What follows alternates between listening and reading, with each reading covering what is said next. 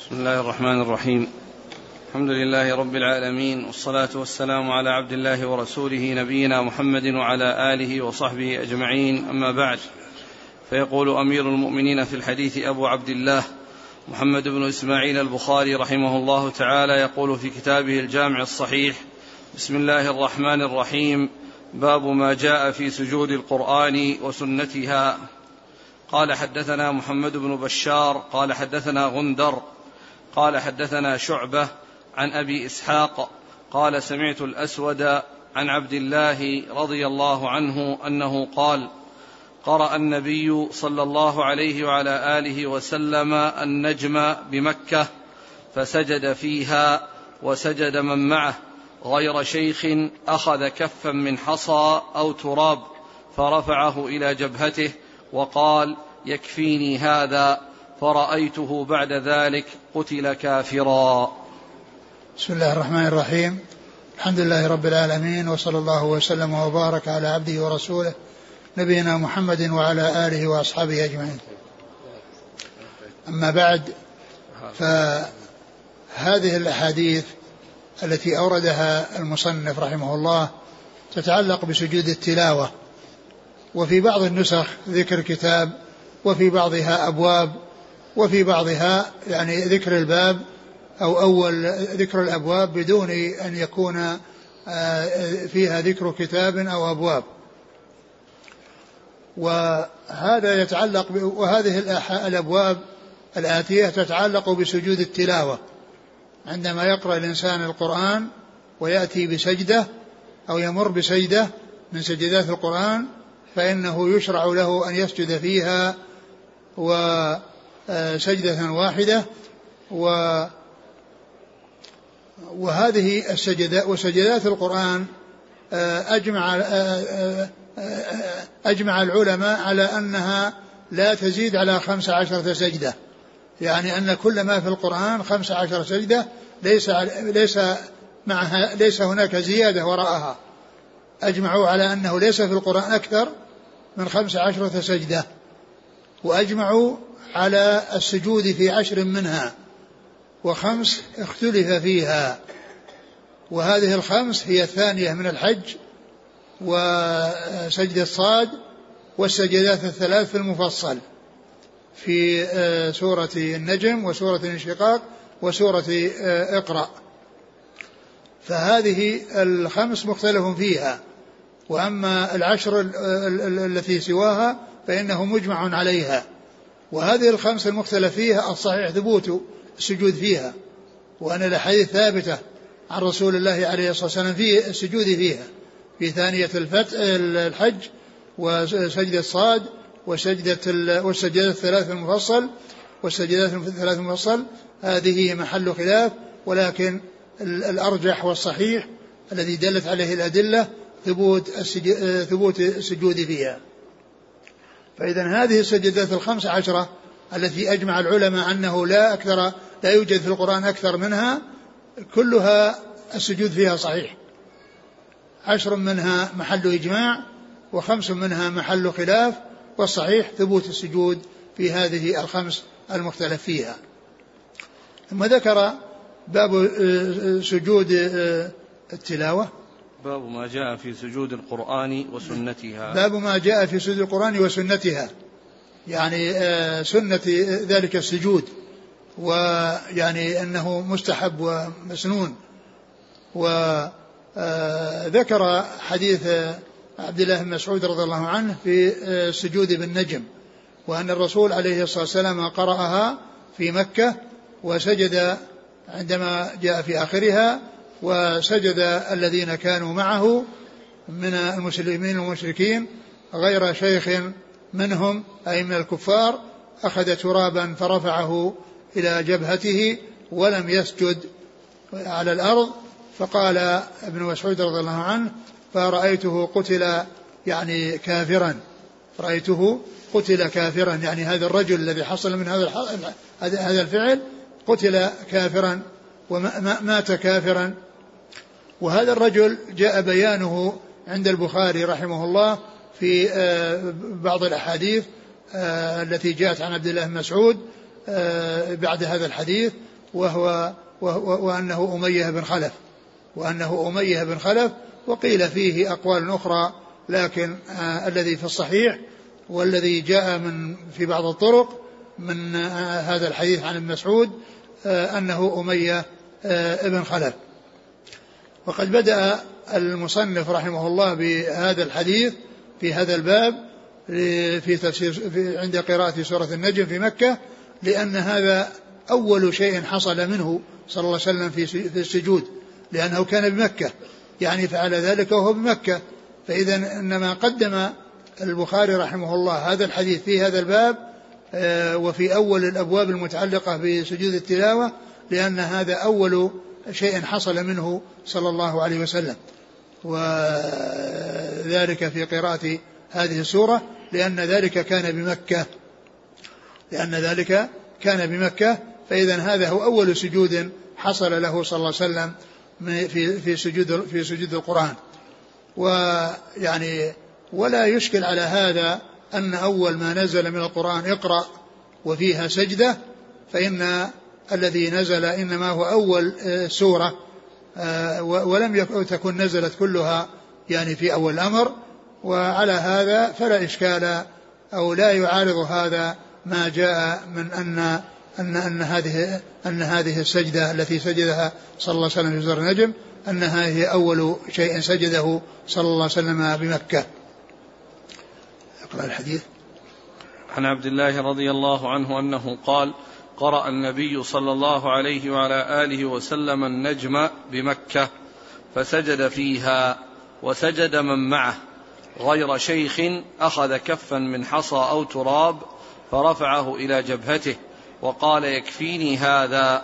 فرأيته بعد ذلك قتل كافرا. يعني أن أن أن أن, أن المسلمين والكفار سجدوا مع النبي صلى الله عليه وسلم وذلك أن الكفار لأنه جاء ذكر آلهتهم في هذه السورة ولكنه كما هو معلوم جاء بعدها ما يدل على ذمهم وعلى ذم آه، آلهتهم حيث جاء بعد ذلك آه، إن هي إلا أسماء سميتموها أنتم وأباؤكم ما أنزل الله بها من سلطان. نعم. قال حدثنا محمد بن بشار.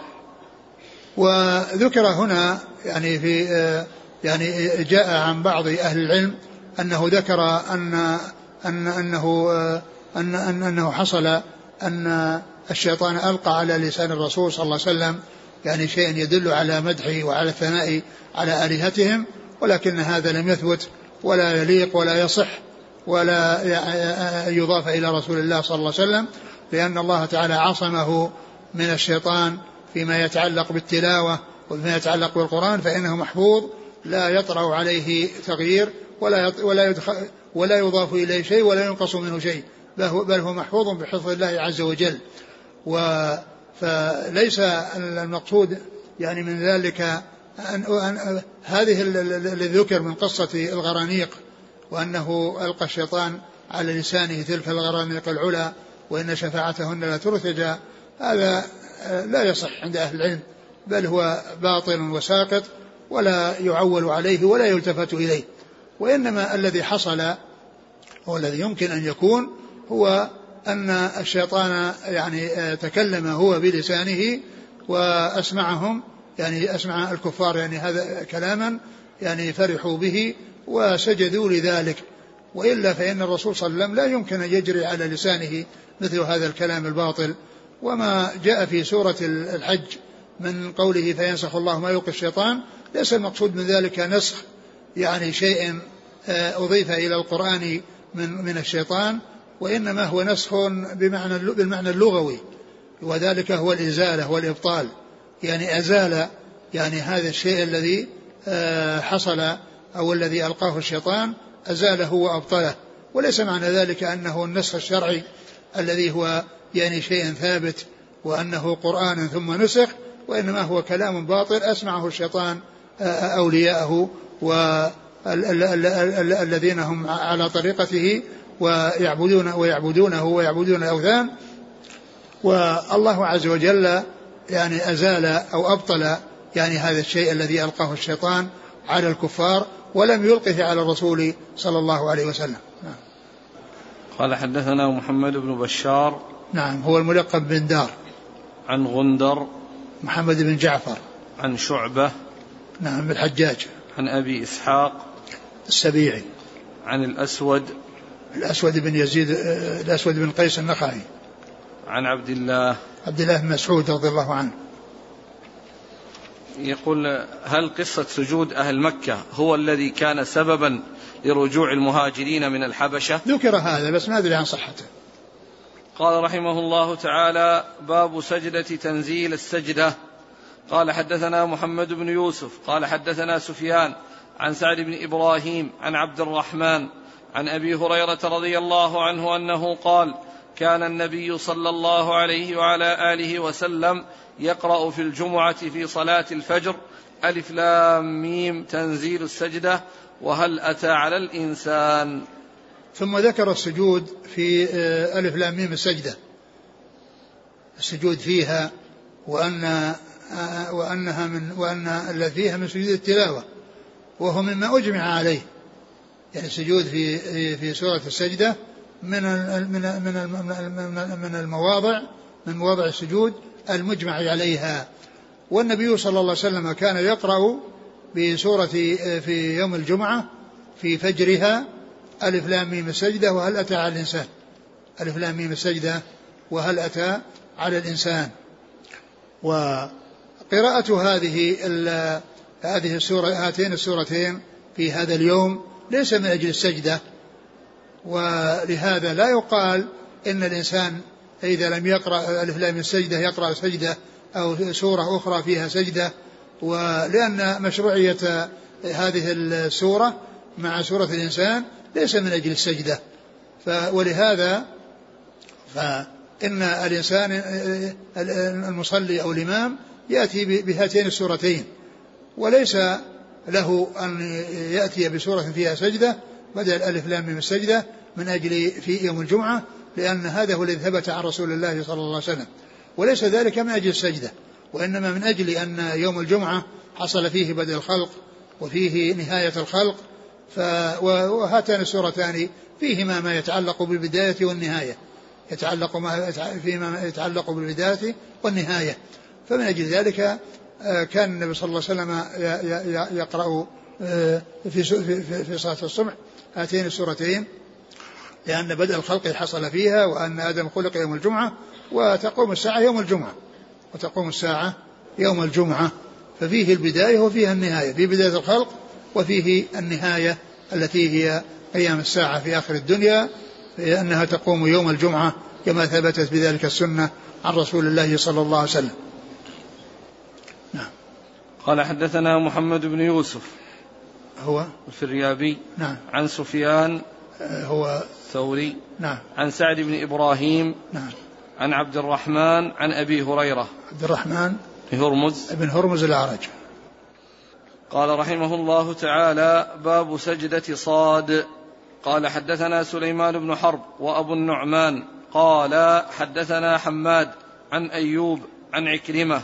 عن ابن عباس رضي الله عنهما أنه قال صاد ليس من عزائم السجود وقد رأيت النبي صلى الله عليه وعلى آله وسلم يسجد فيها. ثم ذكر سجدة صاد وأورد في هذا الحديث عن عن ابن عباس أن النبي صلى الله عليه وسلم قال إن إنها عن ابن عباس أنه قال إن إن إن سجدة صاد إن سجدة صاد صاد ليس من صاد؟ ليس من عزائم السجود. ليس من عزائم يعني السجدة في صاد ليست من عزائم السجود.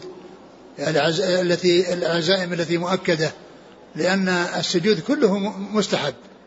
ليس سجود التلاوة واجبا للإنسان أن يسجد وله ألا يسجد. لكن هذه السجدات متفاوتة. يعني آه، بعضها يكون آكد من بعض. بعضها يكون آكد من بعض. فقال ابن عباس إنها ليست من عزائم السجود. وذلك لأنه ليس فيها ذكر السجود وما في ذكر الركوع. فخر راكعا وأناب. ليس فيها ذكر السجود. ولكن لكون النبي صلى الله عليه وسلم سجد يعني بها وثبت سجوده فيها كما جاء عن ابن عباس وكما جاء في الحديث الآخر الذي ذكره البخاري في في في يعني في فيما بعد في في في, في كتاب التفسير في سورة عند سجدة صاد قال إن إن إن إن إن, أن داود أنه سجدها وأن الرسول عليه الصلاة والسلام سجدها وقال ابن عباس يعني إن إن إن, أن داود سجدها فسجدها داود وسجدها رسول الله صلى الله عليه وسلم وقد أمر عليه السلام بالاقتداء بالأنبياء السابقين كما أنه لما ذكر الأنبياء قال فبهداه مقتده يا فبهداه مقتده فسجدها داود وسجدها رسول الله صلى الله عليه وسلم. إذا السجود فيها ثابت عن رسول الله عليه الصلاة والسلام وكونها من عز... ليست من عزائم السجود لا يمنع السجود فيها وإنما يبين أن السجود أن السجدات في القرآن متفاوتة وأن بعضها آكد من بعض ولكن السنة ثبوت الجميع يعني في في صاد وفي غيرها. قال حدثنا سليمان بن حرب نعم وأبو النعمان. الفضل بن دكين. نعم أبو النعمان. آه، مع محمد بن فضل. عن حماد. عن حماد بن زيد. عن أيوب. بن أبي تمام السختياني عن عكرمة. مولى بن عباس. عن ابن عباس. نعم. قال رحمه الله تعالى باب سجدة النجم. قاله ابن عباس رضي الله عنهما عن النبي صلى الله عليه وسلم قال حدثنا حفص بن عمر قال حدثنا شعبة عن أبي إسحاق عن الأسود عن عبد الله رضي الله عنه أن النبي صلى الله عليه وعلى آله وسلم قرأ سورة النجم فسجد بها فما بقي أحد من القوم إلا سجد فأخذ رجل من القوم كفا من حصى أو تراب فرفعه إلى وجهه وقال يكفيني هذا فلقد رأيته بعد قتل كافرا. ثم ذكر سجدة آه، آه، النجم. وقد ذكرها في الأول إلا أنه ذكر يعني في الأول أنها في باب آخر غير باب سجدة النجم. وإنما أتى بها في بيان يعني آه، سجود التلاوة وسنة سجود التلاوة وأن السجود إنما هو من الأمور المستحبة وقد قدمه لأنه قدم هذا الحديث في أول أول كتاب آه، آه، سجود التلاوة كما مر من أن هذا أول سجود حصل من رسول الله صلى الله عليه وسلم وأنه كان بمكة. وأما هنا أورد هذه الترجمة لبيان أن سجدة آه، النجم أنها من سجود التلاوة وأنها مما ثبتت به السنة عن رسول الله صلى الله عليه وسلم. وذكر حديث ابن عباس الذي أشار إليه فقال قاله ابن عباس عن رسول الله صلى الله عليه وسلم وسيأتي هذا الحديث قريبا بإسناده ومتنه ولكنه هنا أشار إليه معلقا وقد أسنده بعد بعد قليل.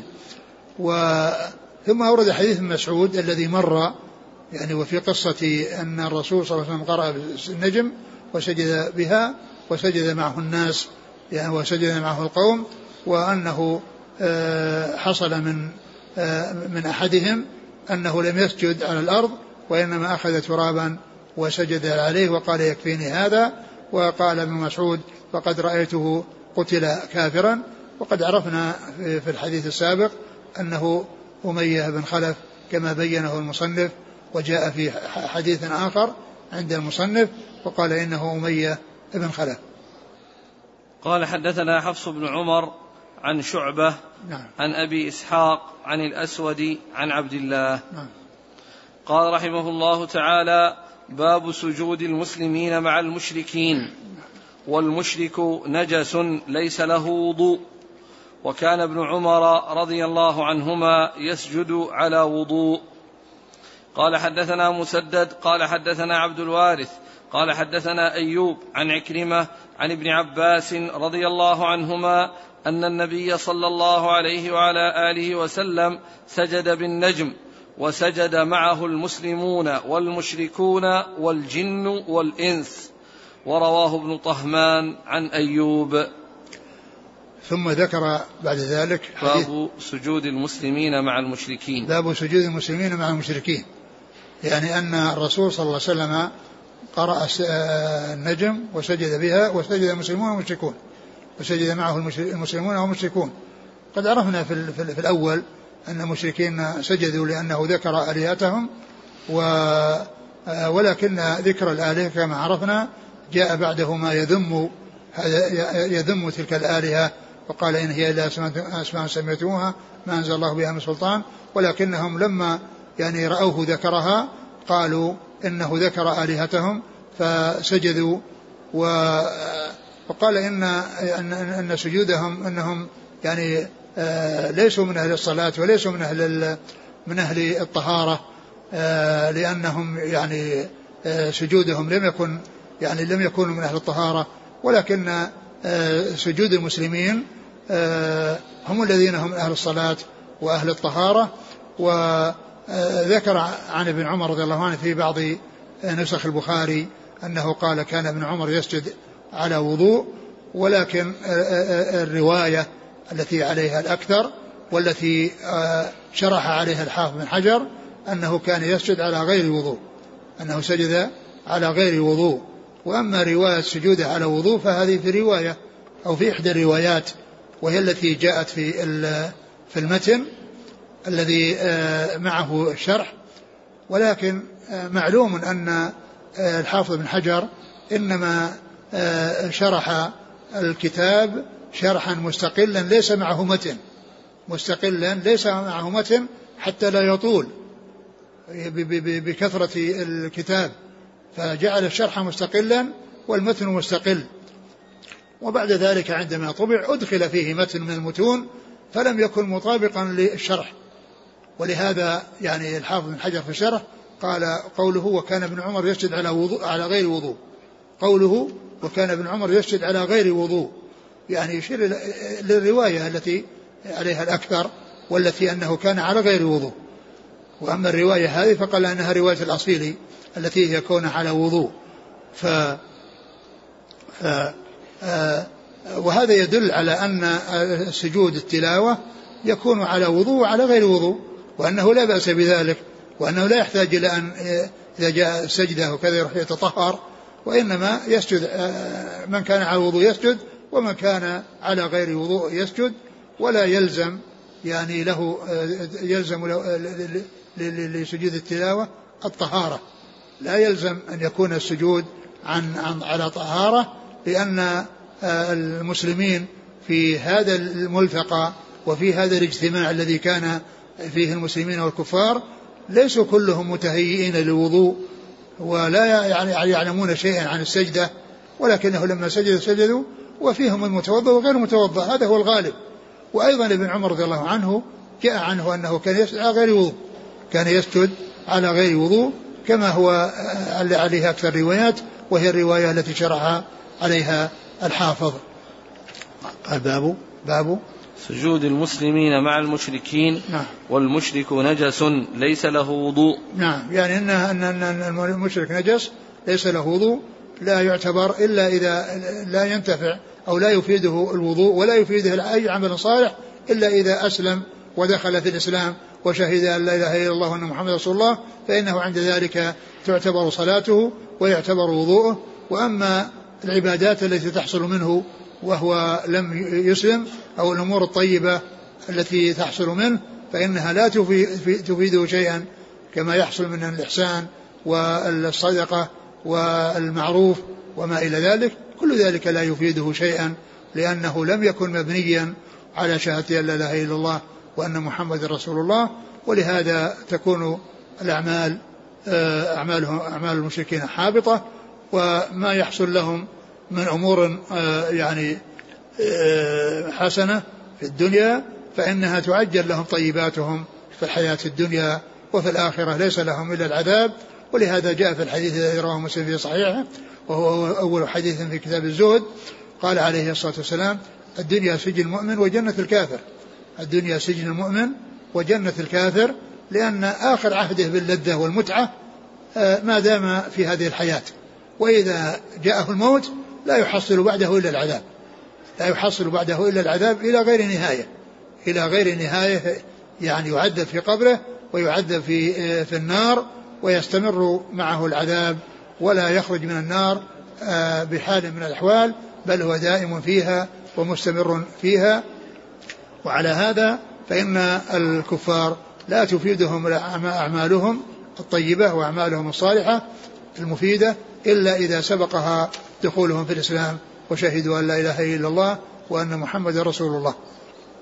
قال والمسلمون والمشركون نجس لا يصح منه وضوء. نعم. آه. وكان ابن عمر رضي الله عنهما يسجد على وضوء. يعني والصحيح أنه يسجد على غير وضوء كما كما يعني كما كما عليه أكثر الروايات أنه كان على غير وضوء.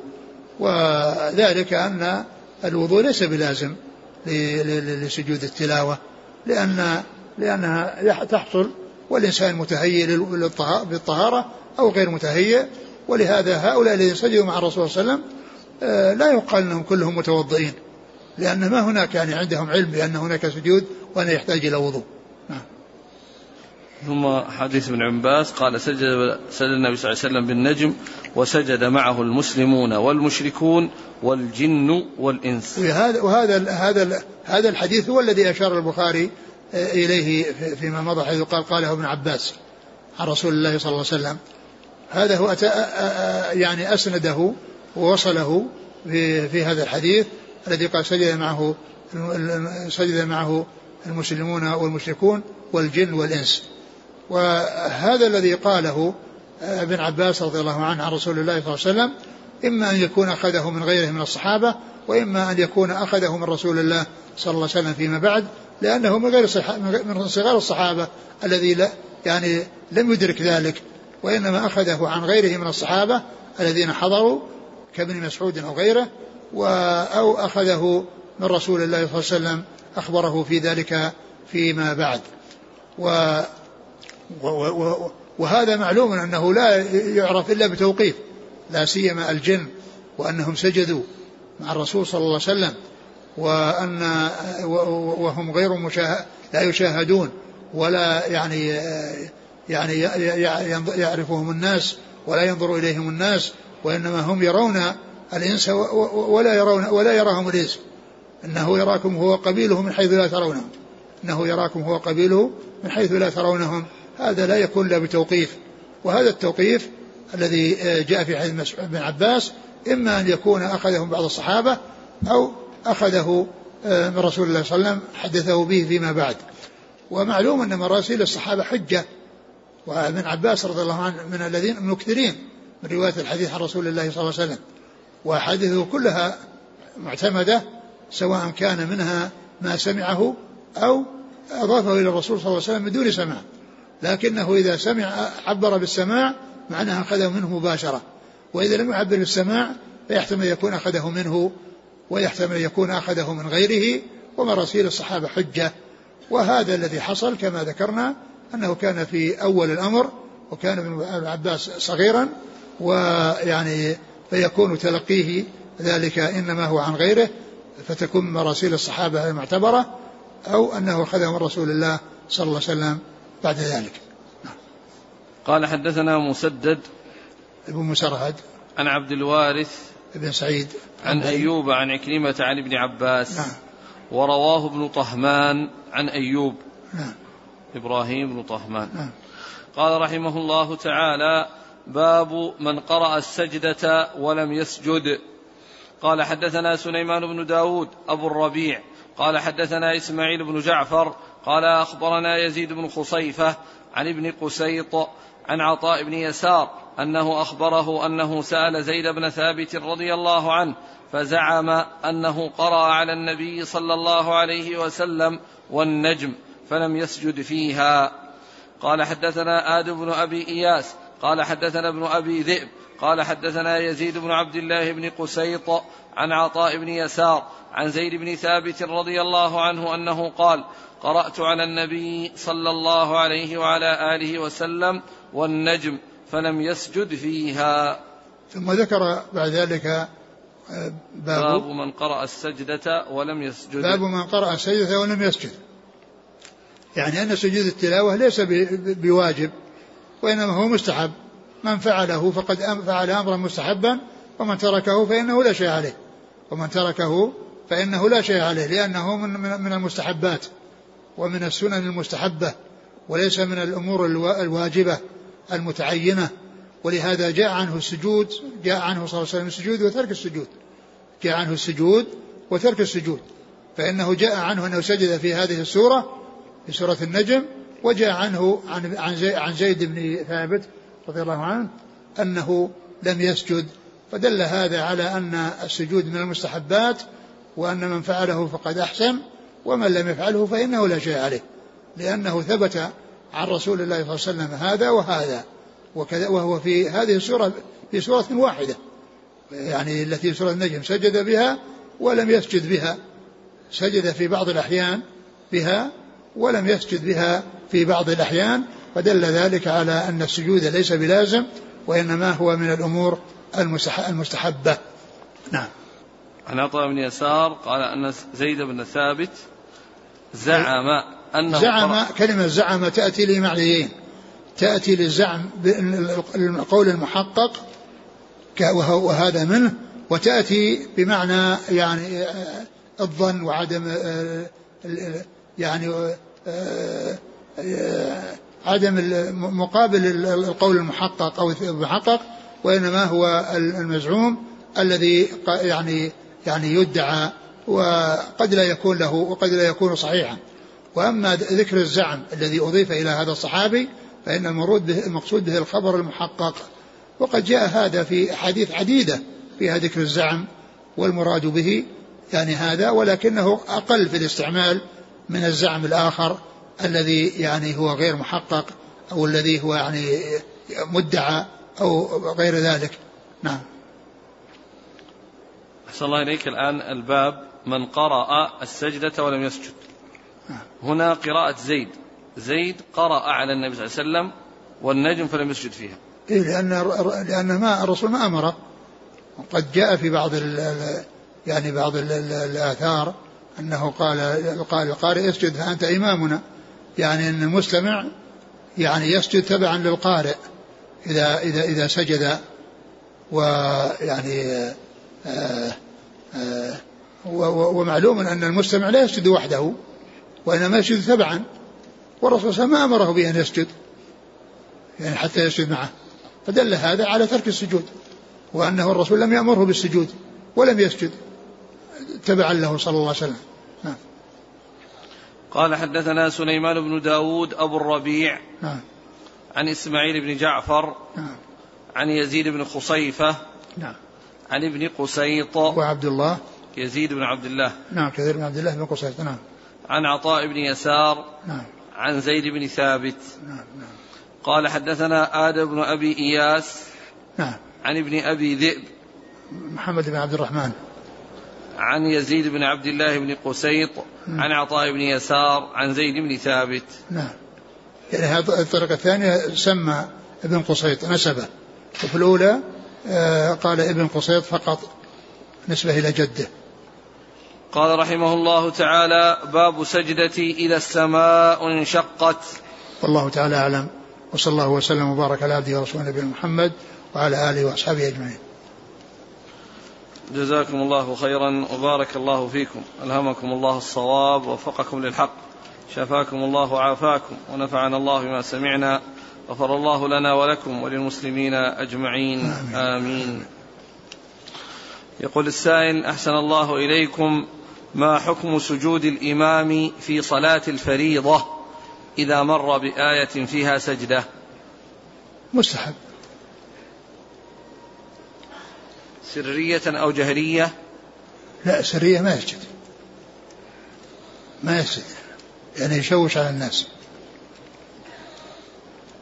وإنما السجود يعني في يعني إذا كان وحده يسجد. إذا كان ما وراه مأمومين إذا كان يصلي وحده يسجد. وأما إذا كان في جماعة ويقرأ سورة فيها سجدة في الظهر أو العصر فإنه لا يسجد. وإنما يترك السجود لأن سجوده يشوش على الناس. وإنما يعني في يسجد ويسجدون معه في في فيما في فيما فيما يجهر به. فهو يقرأ وهم يسمعون وهم يستمعون. فيسجد ويسجدون تبعا له. وإن لم يسجد ما سجد. يقول بارك الله فيكم ورد الذم بالإكثار من لفظة زعم. كما في الحديث بئس مطية القوم زعموا. نعم. فكيف الجمع؟ ما في تنافي لأن هذا ثابت. يعني ذكر الزعم بالخبر المحقق. يعني فيكون ذلك هو الأصل الذي هو الذي محذر منه. والذي فيه الأخبار بأشياء غير محققة يعني هذا هو الكثير الغالب في الاستعمال. وأما ذاك فهو قليل الاستعمال ولكنه جاء ولكنه ثابت. نعم. يقول هل يشرع التكبير لسجدة التلاوة؟ إذا كان في الصلاة نعم يشرع. إذا كان في الصلاة فإنه يشرع لأن آه، لأنه ثبت أنه كان يسجد في كل خفض ورفع. الحديث الذي فيه أنه يسجد عند يكبر عند كل خفض ورفع هذا يدل عليه. والإنسان إذا كان في الصلاة وسجد ورفع من السجود فإنه يكبر.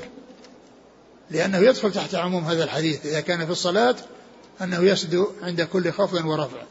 أما إذا كان في غير الصلاة أما إذا كان في غير الصلاة فليس فيه تكبير ولا سجود ولا سلام ليس فيه تكبير وليس فيه سلام. يعني جاء يعني بعض أهل العلم يقول أنه يكبر عند السجود وأنه جاء فيه حديث ولكن الحديث الذي ورد لم يثبت لأنه جاء من طريق آه، عبد الله بن آه، عبد الله بن آه، بن عمر وفي بعض النسخ أو أو ذكر في بعض أن أنه عبد الله بن عمر وعبد الله عمر العبري هذا ثقة يعني حجة. وأما أخوه عبد الله فهو ضعيف. والحديث لم يثبت أنه جاء عن عبيد الله وإنما جاء عن عبد الله. فلم يثبت في في خارج الصلاة تكبير ولا سلام. أحسن الله إليكم. ما حكم استقبال القبلة لسجود التلاوة؟ نعم هو يشرع. يشرع. يشرع استقبال القبلة. نعم. إلا إلا إذا كان أنه راكب أو مسافر فإنه مثل الصلاة مثل ما كونه يصلي إلى غير القبلة يسجد إلى غير القبلة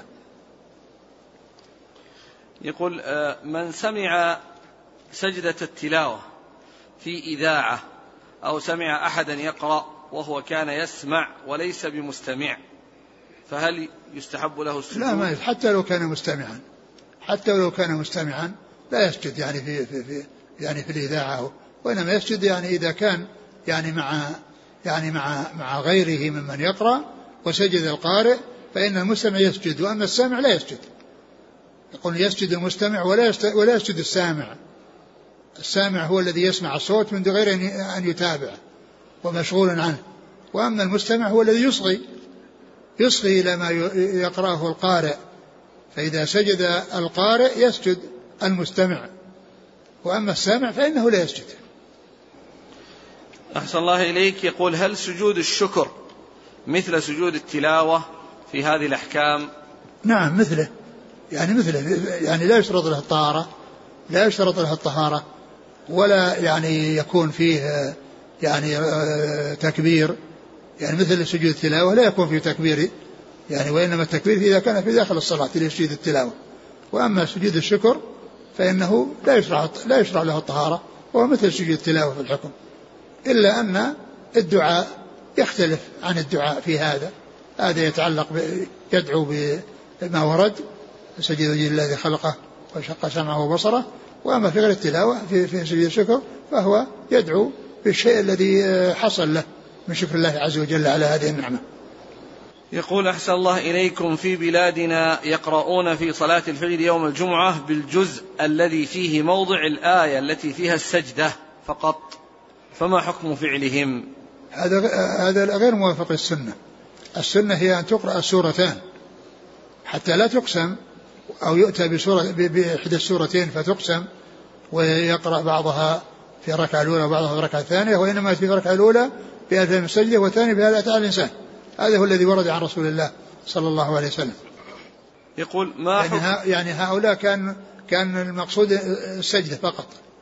يعني المقصود السجدة عرفنا أن عرفنا أنه ليس المقصود السجدة وأنه وأن بعض الناس قد يقرأ سورة أخرى فيها سجدة مثل مثل إذا السماء انشقت أو غيرها ليس المقصود السجدة. المقصود ما في هذه السورتين من ما يتعلق بأحكام يوم الجمعة التي هي فيها خلق آه، أول الخلق ومنتهى الخلق.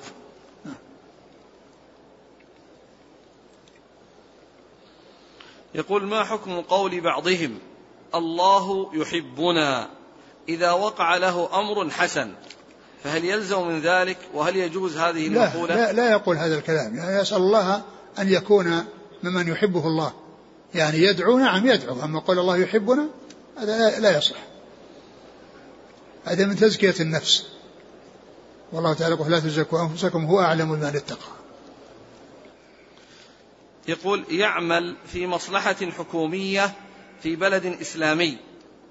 طلبت المصلحة أن يخصم من الراتب خمسة في المئة ويستثمر ثم يرد مع ربحه للموظف بعد نزوله وتقاعده. يعمل في مصلحة حكومية في بلد إسلامي. طلبت المصلحة خصم خمسة في المئة من الراتب. يستثمر ويرد مع الربح لذلك الموظف بعد التقاعد. لا بأس بهذا. أقول هذا لا بأس به. هذا من جنس الذي يعني يحصل في آه، التقاعد يعني في كونه يقصد منه يعني مقدار معين ثم بعد ذلك آه، يعني يعطى سواء استثمر أو ما استثمر. نعم لكن إذا استثمر لا يستثمر في محرم. نعم. يقول هل يشرع لنا خلع النعال عند دخول المقبرة كمقبرة البقيع لا ما تخلع النعال لكن يمشي الإنسان فيها بالممرات التي يعني هذا يمشي بنعاله. وإذا جاء بين المقابر أو في داخل القبور لا يمشي. لا يمشي يعني بين القبور وإنما الممرات التي هي مهيئة للمشي فإنه يمشي عليها ولا يخلع نعاله. وإنما إذا مشى بين القبور هذا هو الذي جاء عن رسول رسول الله صلى الله عليه وسلم آه، النهي عنه. يقول حفظك الله جاء في كتاب الزهد للإمام أحمد قال كتبت عائشة رضي الله عنها إلى معاوية رضي الله عنه. أما بعد فإن العبد إذا عمل بمعصية الله عاد حامده من الناس ذاما. إن إن العبد إذا عمل بمعصية الله عاد حامده من الناس ذاما. وقال ابن الجوزي إن قلوب الناس لتعرف حال الشخص فتحبه أو تأباه وتذمه أو تحمده. وكل ذلك وفق ما يتحقق بين العبد وبين الله. فإنه يكفيه كل هم ويدفع عنه كل شر. في صيد الخاطر. يقول آه، نطلب منكم التوضيح. لهذين كون الناس يعني آه الناس ليس لهم الا الظاهر ويعني آه حمدهم وذمهم على ما يظهر. وأما الباطن فعلمه عند الله عز وجل. لكن ذلك لا يعني أن أنهم إذا يعني حمدوا إذا حصل منهم الحمد يعني يكون مطابقا للواقع وأن الإنسان داخله وظاهره يكون على حد سواء. فإنه قد يمدح الإنسان لما يظهر له لما يظهر للناس منه ويكون بخلاف ذلك. وأوضح شيء يدل على هذا الحديث الذي في البخاري عن النبي صلى الله عليه وسلم أن رجلا كانوا في غزاة وكان يعني لا يترك شاردة على العدو إلا وأتى عليها فأبلى بلاء حسنا وجاء الناس يثنون عليه عند رسول الله صلى الله عليه وسلم. فقال عليه السلام هو في النار وهم يثنون عليه.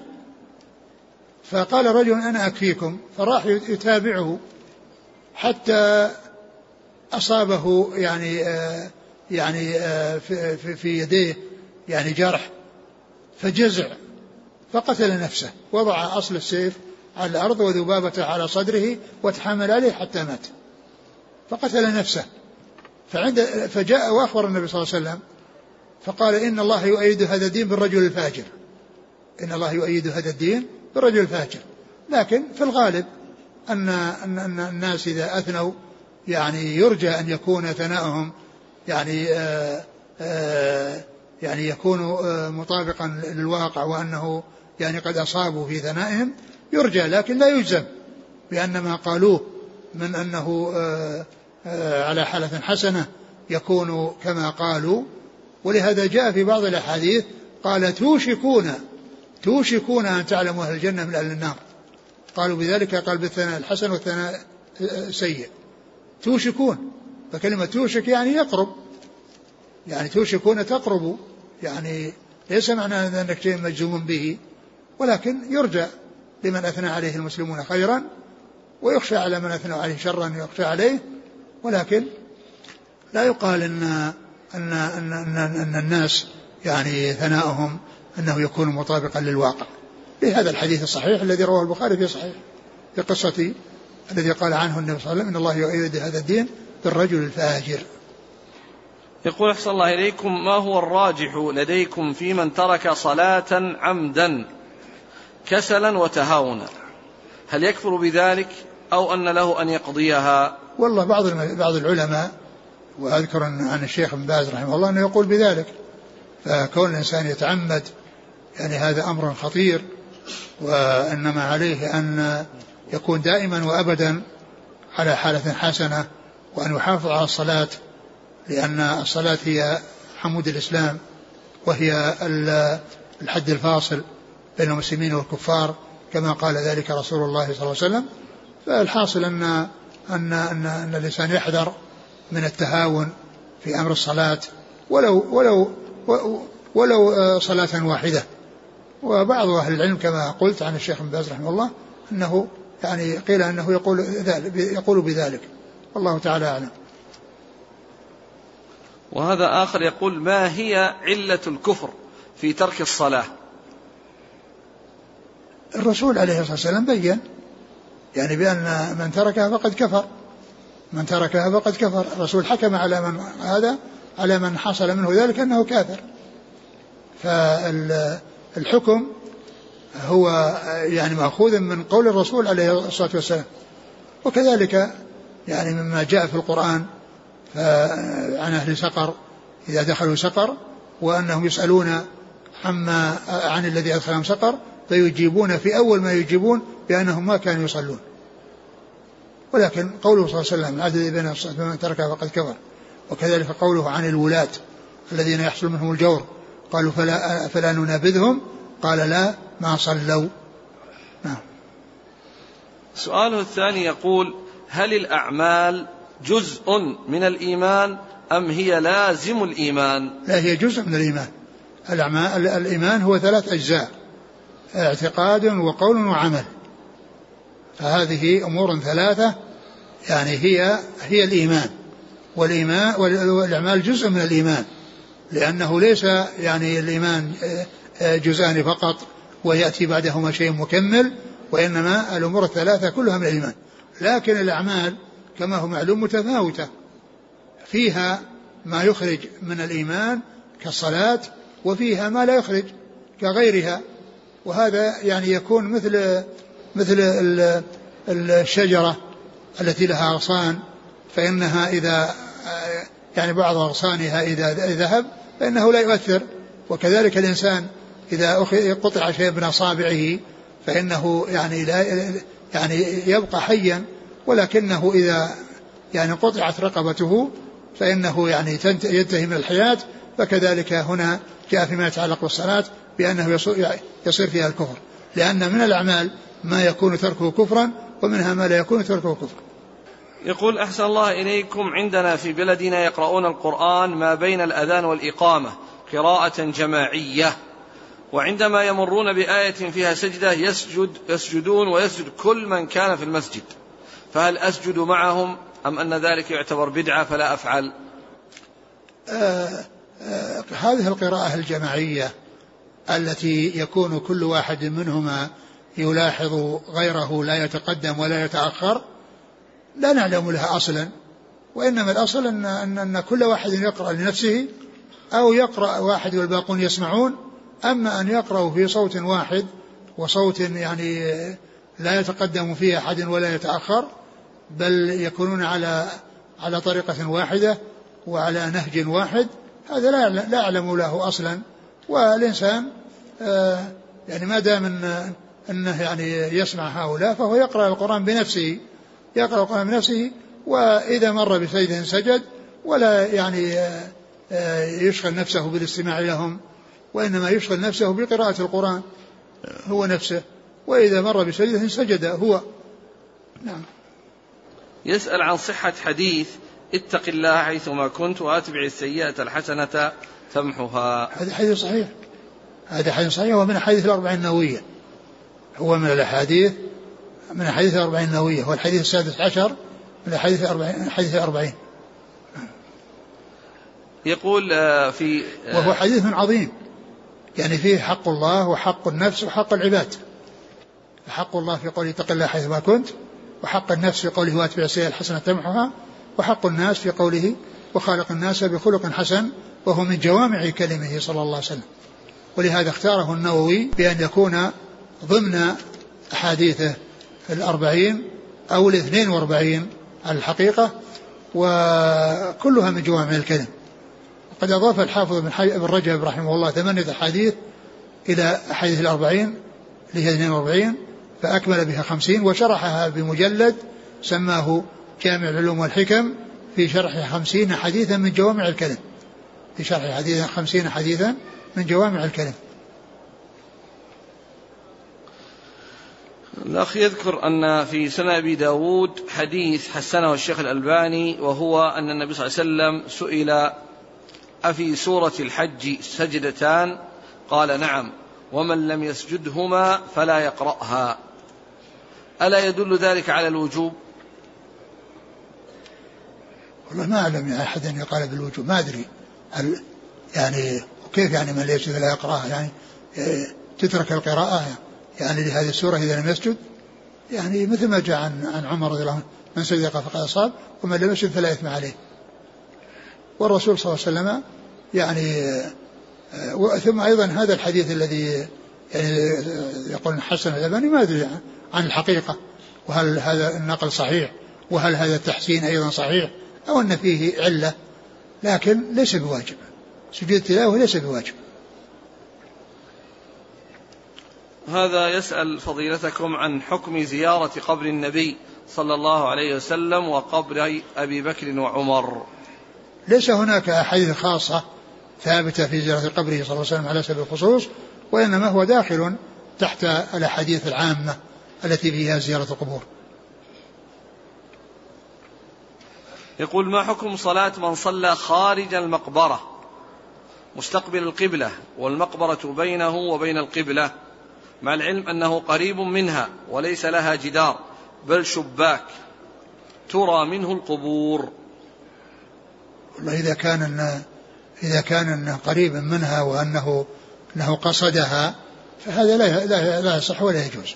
وأما إذا كان يعني حصل اتفاقا أنه صلى وهو لا يدري أن يعني هو يعني لا يعلم وإنما حصل اتفاق مثل الإنسان الذي يصلي في هذا المسجد فالذي يتعمد أن يصلي خلف قبر النبي صلى الله عليه وسلم لا شك أن هذا آثم وداخل تحت قوله صلى الله عليه وسلم لا تصلوا إلى القبور. وأما من كان لا يدري وكان في الصفوف المتأخرة ولا يعرف قدام القبر ليس بقبر ليس عليه شيء. لكن مثل هذا إذا كانت مكشوفة وقريبا منها ف وليس فيه إلا إلا ش... يعني شبابيك يعني فالسلامة والسلامة الإنسان يبتعد. عن أن يصلي وراءها دع ما يريبك إلى ما لا يريبك. يقول هل ولهذا جاء في صحيح البخاري أن أنس رضي الله عنه كان يصلي إلى يعني وقدامه القبر وهو من الأمدي فقال له يعني القبر القبر فظن أنه قال القمر القمر يعني يظن فيه كسوف ولا شيء. فهذا تحول تحول عن يكون وراء القبر. نعم. هل الدعاء في سجود التلاوة يلزم فيه التقيد بالدعاء الوارد أم يجوز للإنسان أن يدعو بما شاء من الأدعية؟ السنة أن الإنسان يتقيد بالدعاء الوارد. يأتي بالسجود دعاء السجود سبحان ربي الأعلى سبحان ربي الأعلى ويكررها ويأتي بالدعاء الوارد. يقول ماذا يقول في سجود السهو؟ وهل يكبر ويسلم منه؟ نعم. سجود السهو كما هو إذا كان قبل قبل السلام فإنه يدعو آه الدعاء هو نفسه. كما يدعى بسجود الصلاة يدعى بسجود السهو. نفس الدعاء يعني واحد ليس هناك لسجود السهو دعاء يخصه. لكنه إذا كان السجود بعد السلام فهو يسلم يسلم منه. إذا كان السجود بعد السلام يسلم منه. لكن لا يتشهد بعد السلام. إذا كان سجد يسلم ثم يسجد ثم يسلم. لكنه لا يتشهد بعد سجود آه، السهو وإنما سلام بدون آه، تشهد. هل له آه، ذكر معين سجود السهو؟ ما له ذكر. قلت أن الذكر هو ذكر سجود الصلاة. نفس الذي في سجود الصلاة هو في سجود السهو. بالنسبة لسجود التلاوة في غير الصلاة وأن إذا سجد القارئ سجد المستمعون. هل يكبر إذ يشكل يقولون كيف نرفع ونحن لا نسمع تكبير؟ أو كل إنسان يسجد ويرفع سواء رفع القارئ ولا ما الذي يبدو أن الذي يعني يبدو أن التكبير غير مشروع في آه، ما يتعلق بغير الصلاة. أما الصلاة مشروع. كبر عند كل خفض ورفع. فيعني يسجد يأتون بالدعاء الذي قد ورد. وإذا كان رفع وشاف الإمام لا يزال ساجد يستمر. لكن ما نعلم شيء يدل على التكبير سواء كان وحده أو كان معه غيره. يعني قوله أنت إمامنا الآن يلزم الاتباع نعم. متابعة. نعم يتابع. الرفع. طبعا. ما نرفع قبله؟ والله لي يبدو أنه يتابع لأن ما دام يسجد أنت إمامنا ويسجد إذا سجد ويقوم إذا قام. صلى الله عليك يقول هل يجوز للمرأة وهي في العدة أن تزور قريبا لها مريض؟ وهل لها أن تذهب للعزاء إذا توفي؟ لا ليس ليس لها ذلك. لا الزيارة والعزاء. نعم. امرأة يقول أحسن الله إليك امرأة عندها ذهب تستعمله وله عندها ثمان سنين فهل تزكيه؟ وكيف ذلك؟ إذا كانت آه، استفتت أحدا من أهل العلم وقال أنه لا زكاة فيه وعملت بهذه الفتوى فتمشي على ما على ما أفتيت.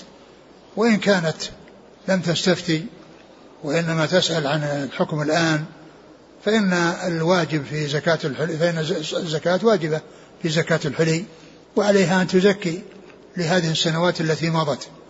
عليها أن تزكي لهذه السنوات اللي مضت وأن يكون يعني آآ آه، آآ آه، آه، كل سنة في يعني إذا كانت تخرج من منه تخرج منه المفروض وإن كان تخرجه من القيمة فكل سنة في وقتها وإن أخرجته يعني في السنة الأخيرة أو قيمتها في السنة الأخيرة ف يعني ففي ذلك يعني السلامة يعني من المحذور. وإن كانت عرفت الأسعار في كل وقت فإن كل سنة بوقتها لكن إذا فعلت ذلك في آخر سنة وهي لا تعرف عن السنوات الماضية تكون أدت ما عليها. يقول وجدت جوالا ولم أعرف صاحبه فماذا أفعل؟ وقد شعرت بالحرج في حمله. إن كنت وجدته في المدينة أو في مكة فأعطه الجهات المسؤولة يعني في آه، حفظ الأشياء الضائعة لأن مكة والمدينة لا لا تؤخذ يعني لا, لا, لا ليست كغيرها من البلدان التي يعني ينشد تنشد سنة ثم بعد ذلك يتملكها من وجدها فإن لقطة مكة والمدينة لا تملك وإنما ينادى بها أبدا وتخلص الإنسان منها ويعطيها الجهة المسؤولة. وذلك أن هاتين المدينتين يتردد الناس عليهما للحج وللزيارة فقد يكون الإنسان ضاع منه في سنة ثم جاء بعد خمس سنوات وسأل فيجده عند الجهة. التي آه التي تحفظ آه الأشياء المفقودة يقول هل يتأول القارئ القرآن بأن يدعو بما جاء في سورة الإسراء يخرون للأذقان سجدا ويقولون سبحان ربنا إن كان وعد ربنا لمفعولا؟ كيف يعني؟ يقول مثل فسبح بحمد ربك واستغفر سبحانك اللهم وبحمدك نشر سبحانك الله اللهم اغفر لي. كان يتأول القرآن يعني يدعو بما جاء في الآيات. يعني سجود التلاوة؟ نعم. سجود التلاوة جاء فيه أدعية تخصه فيتقيد ما جاء رسول الله صلى الله عليه وسلم. لكن في هذه الآية ما فيها أنه والله ما ما أعلم يعني أن الإنسان يأتي أن الرسول صلى الله عليه وسلم آه، أقول جاء عنه الدعاء فيما يتعلق بسجود التلاوة مطلقا هذا وغيره. من كان يكرر قراءة آية؟ وين وين أتى به يعني مثل مثل ما يأتي بسجود سجود الصلاة. سبحان سبحانك اللهم وبحمدك اللهم اغفر لي. يعني فيكون هذا مما ورد في أصل سجود آه، آه، الصلاة. لكن إذا إذا اقتصر على ما ورد فيما يتعلق بالتلاوة لا شك أن هذا هو هو الذي ينبغي. من كان يكرر آية سجدة لأجل الحفظ هل يسجد لكل مرة؟ لا ما يسجد. ما يسجد يعني إذا كرر الآية كل ما كرر الآية يسجد إذا عشر يسجد عشر مرات أو عشرين عشرين مرة يعني يسجد في المرة الأولى والباقي لا يسجد. يقول حفظك الله أحد الإخوة مقيم في بلاد أوروبا وهو متزوج في بلده ولكنه يخشى على نفسه الفتنة فقرر الزواج في تلك البلاد. اعترضت عليه زوجته الأولى بكون هذا ليس من العدل حيث يمكث عند الثانية عشرة أشهر وعند الأولى شهرين. فما توجيه؟ المناسب له أن أن أن يذهب إلى البلد المسلم اللي فيه الزوجة ويترك بلاد الكفر. هذا هو الأسلم وهذا هو الذي ينبغي له. وهذا آخر يقول لي زوجة ثانية في اليمن لم أزرها أكثر من سنة بسبب الأحوال وقد هدأت الأمور ولا تزال بعض المخاطر تطلب مني الزيارة فهل علي إثم في عدم الذهاب؟ نعم عليك عليك إثم يعني تمكث عنها المدة الطويلة ذي هذه المدة اللي ذكرها هذا لا يصلح ولا يليق بالإنسان أن يفعل هذا الفعل بل, بل يذهب ويزورها نختم بهذا السؤال. يقول حفظك الله ما حكم من يفجر الكنائس في نيجيريا باسم الجهاد؟ كما أن هناك جماعات تحرق محطات الشرطة في كينيا باسم الجهاد. هذا ليس من الجهاد هذا من الإفساد. ثم أيضا الكنائس إذا يعني آه، حصل من من بعض المسلمين اعتداء عليها يعتدون على المساجد. والله عز وجل قال ولا تسبوا الذين يدعون من الله فيسبوا الله عدوا بغير نهى عن سب الآلهة وهو حق. إذا كان يؤدي إلى أمر باطل وهو أنهم يسبون الله عز وجل. يسبون الله عز وجل. ففعل شيء يترتب عليه ضرر على المسلمين هذا غلط. تفجر الكنائس فتفجر المساجد. وهذا لا, لا يسوق ولا, ولا, ولا يليق. جزاكم الله خيرا. سبحانك الله وبحمدك نشهد أن لا إله إلا أنت نستغفرك ونتوب إليك.